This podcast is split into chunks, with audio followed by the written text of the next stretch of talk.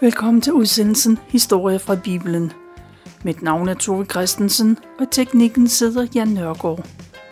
I dag genfortæller jeg nogle af de beretninger, der står i anden kongebog i det gamle testamente. Og denne udsendelse handler om en lang række under.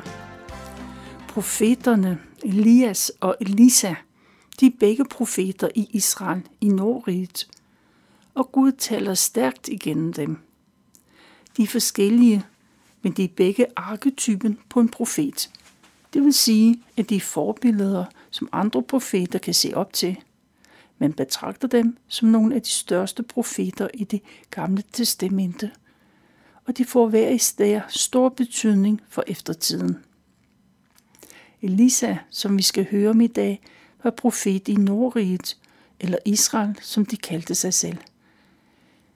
Elisa voksede op i Samaria-området, ikke langt fra Jordanfloden. Han kom fra en storbundeslægt, men han blev kaldt til at være profet. Han lagde ploven til side, og hans liv fik en helt ny drejning. Elisa blev kendt for de mirakler, han gjorde. Han helbredte syge, mættede sultne og vagte en død dreng til live igen – og det kan lede hen til tankerne hen på Jesus, selvom Jesus har et helt andet format. Elisa levede i en tid, hvor man dyrkede afguder. Der var ikke mange mennesker i landet, der troede på Gud, Israels Gud. Forfaldet begyndte mange år tidligere, lige efter Israel blev delt i to. Og Nordrigs første konge indførte ved lov at to guldkalve blev erstattet med Gud Herren. Det var kalvene, ikke Gud, der, indfør, der førte israelitterne ud af slaveriet i Ægypten. Det var guldkalvene, der gav dem Moseloven og gjorde det muligt for dem at bosætte sig i det land, de nu bor i. Man beholdt israelitterne, de holdt med deres historie og de religiøse ritualer. Men man tog Gud væk og erstattede ham med et billede af en kalv. Kalvene var kostbare og lavet af guld, men de havde intet liv. På Elisas tid var der også kommet afguder til. Det var den slags afguder, som deres nabolande tilbad og dyrkede. I og med, at de begyndte at blandt andet at dyrke Baal, guden Baal, så glemte de deres egen historie og deres egen identitet. Israelitterne kom til at ligne alle andre folkeslag og samfund. Gud brugte blandt andet profeten Elisa til at få israelitterne i tale. Igennem de mirakler, han gjorde, skulle de minde, øh, blive mindet om, hvem der var den sande Gud. Før vi skal høre mere om Elisa, så spiller vi sangen Jesus tager sig af den ene, og det er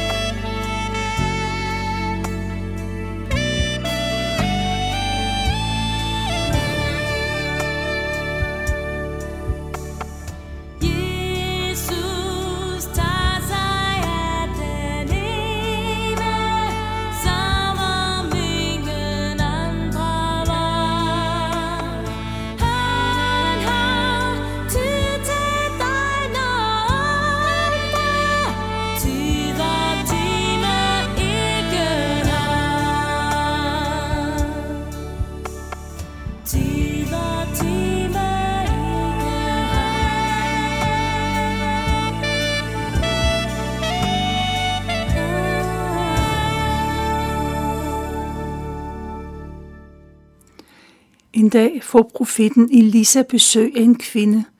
Han kender hende, fordi hendes mand også var profet.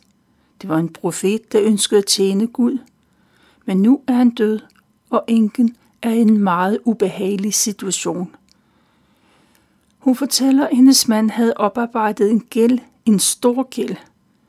Og efter hans død, så kom kreditorerne og forlangte deres penge tilbage. Enken græder og siger, at hvis hun ikke kan betale, så vil begge hendes sønner blive solgt som slaver. Lisa får medlidenhed med den stakkels kvinde, og han ved, at hendes situation er meget alvorligt, både hendes og sønnernes. Elisa spørger enken, hvor meget mad hun har derhjemme. Næsten ingenting, svarer hun. Der er kun en lille krukke med en smule olivenolie i. Måske så taler hun om den lille krukke med den fine olie, som hendes mand bruger til religiøse salvinger. Det er alt, hvad hun har. Og profeten Elisa forklarer kvinden, hvad hun skal gøre. Enken går hjem, og hun er fast besluttet på at gøre nøjagtigt, som Elisa har sagt. Og det giver hende håb for fremtiden. Enken kalder på sine to sønner, og så går de ind til naboen for at låne nogle krukker. De går videre til de andre naboer og til deres venner. De låner alle de krukker, de kan få fat i. De tomme krukker. Der blev hurtigt fyldt op med krukker i det lille hjem. Drengene, de lukker døren, og så sætter de skodder for vinduet.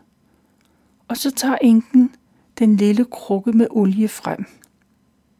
En af sønnerne holder en stort kar frem, og hans mor begynder at hælde olie ned i karret. Hun hælder og hælder, lige til, at det store kar er fyldt. Hans bror har en krukke klar, og mor fylder også den til randen. Og sådan bliver det ved og ved. Til sidst så har de ikke flere krukker. Så stopper olien med at flyde. Men så bliver de usikre på, for hvad skal de nu gøre? Hvad var meningen med det under? Og så går enken tilbage til profeten og fortæller, hvad der er sket. Han siger, at hun kan sælge den olie, de har fået. Så kan de betale gælden, og resten af pengene kan de leve af. Den lille familie er reddet på kanten af afgrunden. Elisa bruger meget tid på at tage rundt i landet. Sammen med sin tjener Gehazi går han fra sted til sted, og så kommer de ofte på de samme veje. I den nordlige del af landet er der et hjem, hvor Elisa altid bliver inviteret til middag og til overnatte. Som det normalt, så kommer kvinderne ikke øh, altid øh, ind, ind, øh, hvor gæsterne er. Men hustruen, hun er godt klar over, at han, profeten er på besøg. En dag foreslår konen sin mand, at de får indrettet et rum, som profeten kan bo i, når han er kommer forbi. Det skal være et rum, der vil skal være helt hans eget. Oppe på det flade tag indretter hun et fyrsteligt værelse til Elisa. Der er bord, stol og en seng. Og så er der en olielampe, man kan tænde om aftenen. Normalt så sidder man på tæpper på gulvet, og det er kun de rigeste mennesker, der har møbler. Kvinden viser Elisa stor respekt igennem sin indretning. Den næste dag, eller næste gang Elisa kommer på besøg, så går han op på sit helt eget værelse. Der lægger han sig på sengen for at hvile ud efter dagens vandring. Elisa er taknemmelig og glad, og så får han sin tjener til at hente hustruen. Elisa siger til hende, at han gerne vil gøre gengæld for hendes omsorg. Hun skal bare sige, hvad hun ønsker sig, så vil Elisa lægge godt ord ind for hende, enten det var hos kongen eller hos hans herfører. Det er nu, hun kan få sit største ønske opfyldt. Men hun siger nej, for hun mangler ikke noget. Hun har det godt, hvor hun bor, og hun er glad for sin mand. Hun har alt, hvad hun kan ønske sig. Hun går igen, men Elisa synes stadigvæk, at han vil gøre noget for hende. Men hvad skal det være? Han taler med, undskyld, han taler med sin tjener, og han gør opmærksom på, at hun ingen børn har. Ingen sønner til at gå i arv. Og hendes mand er efterhånden gammel. Både Lisa og tjeneren ved alt om, hvor stor en skam det er for en kvinde at være barnløs. Nu ved Elisa, hvad han kan gøre. Kvinden bliver hentet tilbage, og hun stiller sig i døren. Så siger Lisa direkte, at næste år ved denne tid, så har hun en søn i sine arme. Men kvinden tør ikke tro det. Efter mange års venten overgår hun ikke at blive skuffet en gang mere. Elisa må ikke give hende falske forhåbninger. Men Elisas år står ved magt, og snart opdager kvinden, at hun er gravid. Året efter føder hun en søn, ganske som Elisa har forudsagt. Drengen bliver både sin mor og sin fars øjesten. Han er en glad dreng, der følger sin mor i hjemmet. Da han bliver lidt ældre, tager han med sin far ud i marken, og han hjælper med dyrene. En dag er drengen ved at ud at høste, og han får et voldsomt hovedpine. Han klager til sin far, der straks bliver bekymret. En af tjenerne bærer drengen hjem til sin mor. Hun lader arbejdet ligge og sætter sig ned med sin søn på skødet. Og de sidder der hele formiddagen, lige til det bliver middag. Der dør drengen i sin mors arme, men hun nægter at tro, at det er slutning på hans liv. Hun holder drengens død hemmelig. Hun vil ikke risikere, at man begynder at begrave ham, før hun er sikker på, at alt håb er ude. Derfor bærer hun ham øh, op på profetens værelse, for der kommer aldrig andre ind. Hun sender bud ud til sin mand. En tjener skal komme med et æsel til hende. Hun skal hen til profeten Elisa, men hun vil snart komme hjem igen. Manden undrer sig. Det er jo hverken helligdag eller sabbat. Men konen siger bare, at han skal tage det roligt og lade være med at bekymre sig. Så sadler hun æslet, og tjeneren trækker afsted med dyret. Og så får han strenge ordre på, at han ikke må stoppe, før hun siger til. De går sydpå mod Karmelsbjerg. Der står Elisa uden for sit hus. Han får øje på kvinden, der nærmer sig, og så får han bange anelser. Han giver sin tjener ordre til at løbe dem i møde. Han skal forhøre sig om, hvordan det går med hendes mand og den lille dreng. Hun svarede af tjeneren, at øh, det går godt, for hun vil ikke betro sig til ham. Først da hun er helt henne ved profeten, så falder hun på knæ foran Elisa og klamrer sig til hans fødder. Tjeneren prøver at trække hende væk, men Elisa forstår, at hun er fortvivlet. Men han ved ikke, hvad der er vejen, for det har Gud ikke sagt til ham. Han venter tålmodigt, til kvinden kan tale, og så siger hun, Var det mig, der bad om at få en søn? Sagde jeg ikke til dig, Elisa, at du ikke må give mig falske forhåbninger? Elisa hører, hvad der er sket, og så handler han hurtigt. Han giver ordre til, at tjeneren skal skynde sig afsted til hendes hus. Han skal så hurtigt som muligt lægge Elisas stav på drengens ansigt. Og Elisa siger strengt, at tjeneren ikke må spille tiden. Han må ikke så meget som stoppe op og snakke undervejs. Elisa tænker, at nu har han gjort, hvad han kunne. Hans stav kan nok vække drengen til live igen. Men drengens mor tør ikke stole på det, og hun tryller Elisa om at tage med hende tilbage. Hun nægter at gå, for Elisa lover, han nok skal tage med. Tjeneren Gehazi, han skynder sig afsted. Han stopper ikke op for at snakke, og snart er han fremme. Han løber op ad trapperne og ind på værelset. Der ligger han Elisas stav på drengens ansigt. Men drengen begynder ikke at trække vejret. Lidt senere, så kommer Elisa frem, og han ser den døde dreng ligge på sin seng. Han lukker døren bag sig og beder til Gud. Og så lægger han sig over på drengen. Elisas øjne er lige over drengens øjne. Hans hænder er på drengens hænder. Og varmen fra Elisas krop overføres til drengen. Og så begynder der at komme liv i den døde krop. Der går lidt tid, men så nyser drengen, og han slår øjnene op. Han er i live. Tjeneren får besked på at kalde drengen, eller på drengens mor, og nu kommer hun ind i værelset og ser, at hendes søn er i live. Kvinden falder på knæ foran Elisa.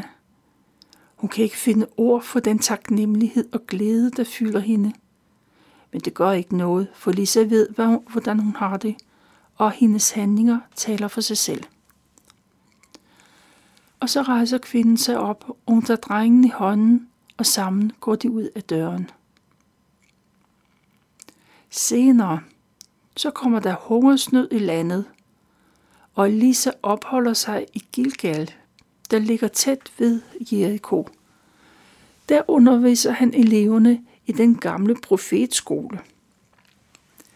Og Elisa føler stort ansvar for eleverne. De skal lære noget, men de skal også have mad på bordet. Det i sig selv er en udfordring i perioder med tørke. En dag kommer Elisa hjem efter at have undervist profeteleverne. Han får sin tjener til at sætte en stor gryde med vand over ilden. Han får besked på at lave mad til de 100 unge profetelever. Men det er jo ikke så let, for hungersnøden er mærkbar, og der skal jo meget mad til at mætte 100 unge mænd.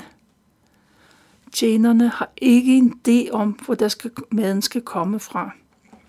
Men han kender Elisa, så han henter vand og får ild på brændet. En af tjenerne, nej, en af eleverne, profeteleverne, de går ud for at samle urter til suppegryden. Og han bliver overrasket og glad, da han finder nogle slyngplanter med bær på. Eller med frugter på. Han kender ikke, hvad det er for noget, men det ligner agurker. Så han regner med, at det er gode nok. Og så tager han så mange frugter med, han kan bære i sin kappe.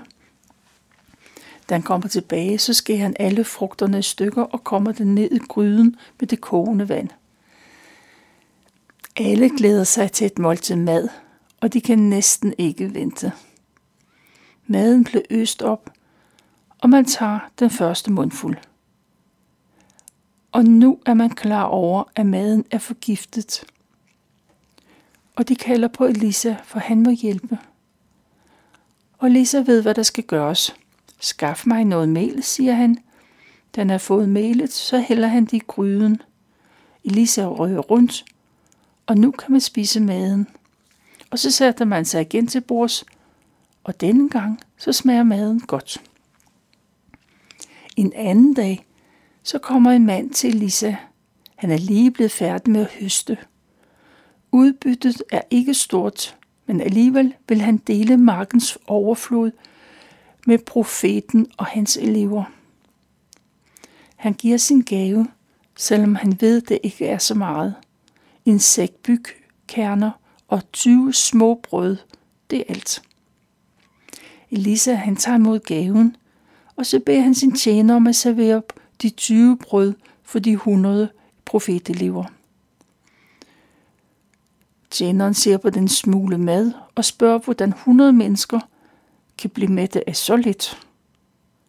Gør nu, hvad jeg siger. Elisa er ikke spor i tvivl, for Gud har sagt, at der vil være rigeligt til alle. Og oven i købet vil der være noget tilbage. Tjeneren sætter maden på bordet, og så sker der et bespisningsunder. Profeteleverne spiser kornet og brødene, og alle bliver mætte. Det, der er til overs, det gemmer de til dagen efter. Profetskolen har succes. Der kommer flere og flere elever til. De vil følge Elisas undervisning. Efterhånden kniber den ved pladsen i undervisningslokalet. Eleverne vil meget gerne have mere plads, og de kommer til Elisa og foreslår, om de kan gå ned til Jordanfloden for fælde træer. De skal have noget tømmer, så de kan bygge et større lokale. Elisa opmuntrer dem. De skal bare gå i gang. Men en af eleverne vil gerne have, Elisa gå med dem. Og snart er de alle på vej ned til Jordanfloden. Profeteleverne de begynder at fælde de høje træer, der vokser ned ved den frodige flodbred. De arbejder koncentreret med økserne. Men en af eleverne er så uheldig, at hans øksehoved det falder af skaftet og ryger ned i vandet. Åh nej, råber han. Det er en økse, jeg har lånt. Manden er fortvivlet over det store tab. Elisa hører uroen og mandens forskrækkede udbrud. Og så går han hen for at se, hvad der sker. Og han får den uheldige mand til at udpege det sted, hvor øksehovedet de faldt i vandet. Man kan ikke se noget som helst ned i den modrøde flodbred. Men Elisa skærer en gren af et træ, og han kaster grenen ud i vandet. Pludselig dukker det tunge øksehoved op til overfladen, og det flyder på vandet. Nu kan du samle din økse op, siger Lisa, og den unge mand får fat i sin økse. Der er, ingen tør, der er igen tørke på vej. Elisa ved, at der kommer, den bliver lang og hård, og der kommer stor hungersnød. Han advarede kvinden med øh, den dreng, som der blev opvagt fra de døde. Elisa opfordrede hende til at flygte sammen med sin familie, for hungersnøden kommer til at berøre hele landet. Kvinden og hendes familie tager til filistrenes land. Der må de blive i syv år, og på den tid så bliver familiens ejendom konfiskeret. Deres huse og markerne kommer ind under kongens besiddelser. Da hungersnøden er forbi, så vender kvinden hjem igen, men kun for at opleve, at hun bliver sendt væk. Kvinden tager til kongens palads, for hun vil have sit hus og sin jord tilbage. I paladset sidder kongen og taler med Elisas tjener Gehazi. Fortæl mig nogen historie om Elisas mirakler, siger kongen. Og Gehazi fortæller om dengang Elisa opvagte en dreng fra de, drøde, fra de døde. Netop som han var færdig med at fortælle, så træder kvinden ind i rummet. Jamen se, siger Gehazi, der er hun jo, den kvinde vi taler om. Det er hendes dreng, der var død. Kongen hører på kvinden og hendes nød, og så beslutter han, at han på stedet vil hjælpe hende. Hun får sin ejendom tilbage og sine marker tilbage, og kongen sørger for, at hun får godt gjort det høstudbytte, der har været i de år, hun har været væk. Det er, hvad jeg har valgt at fortælle fra anden kongebog, kapitel 4 og kapitel 8.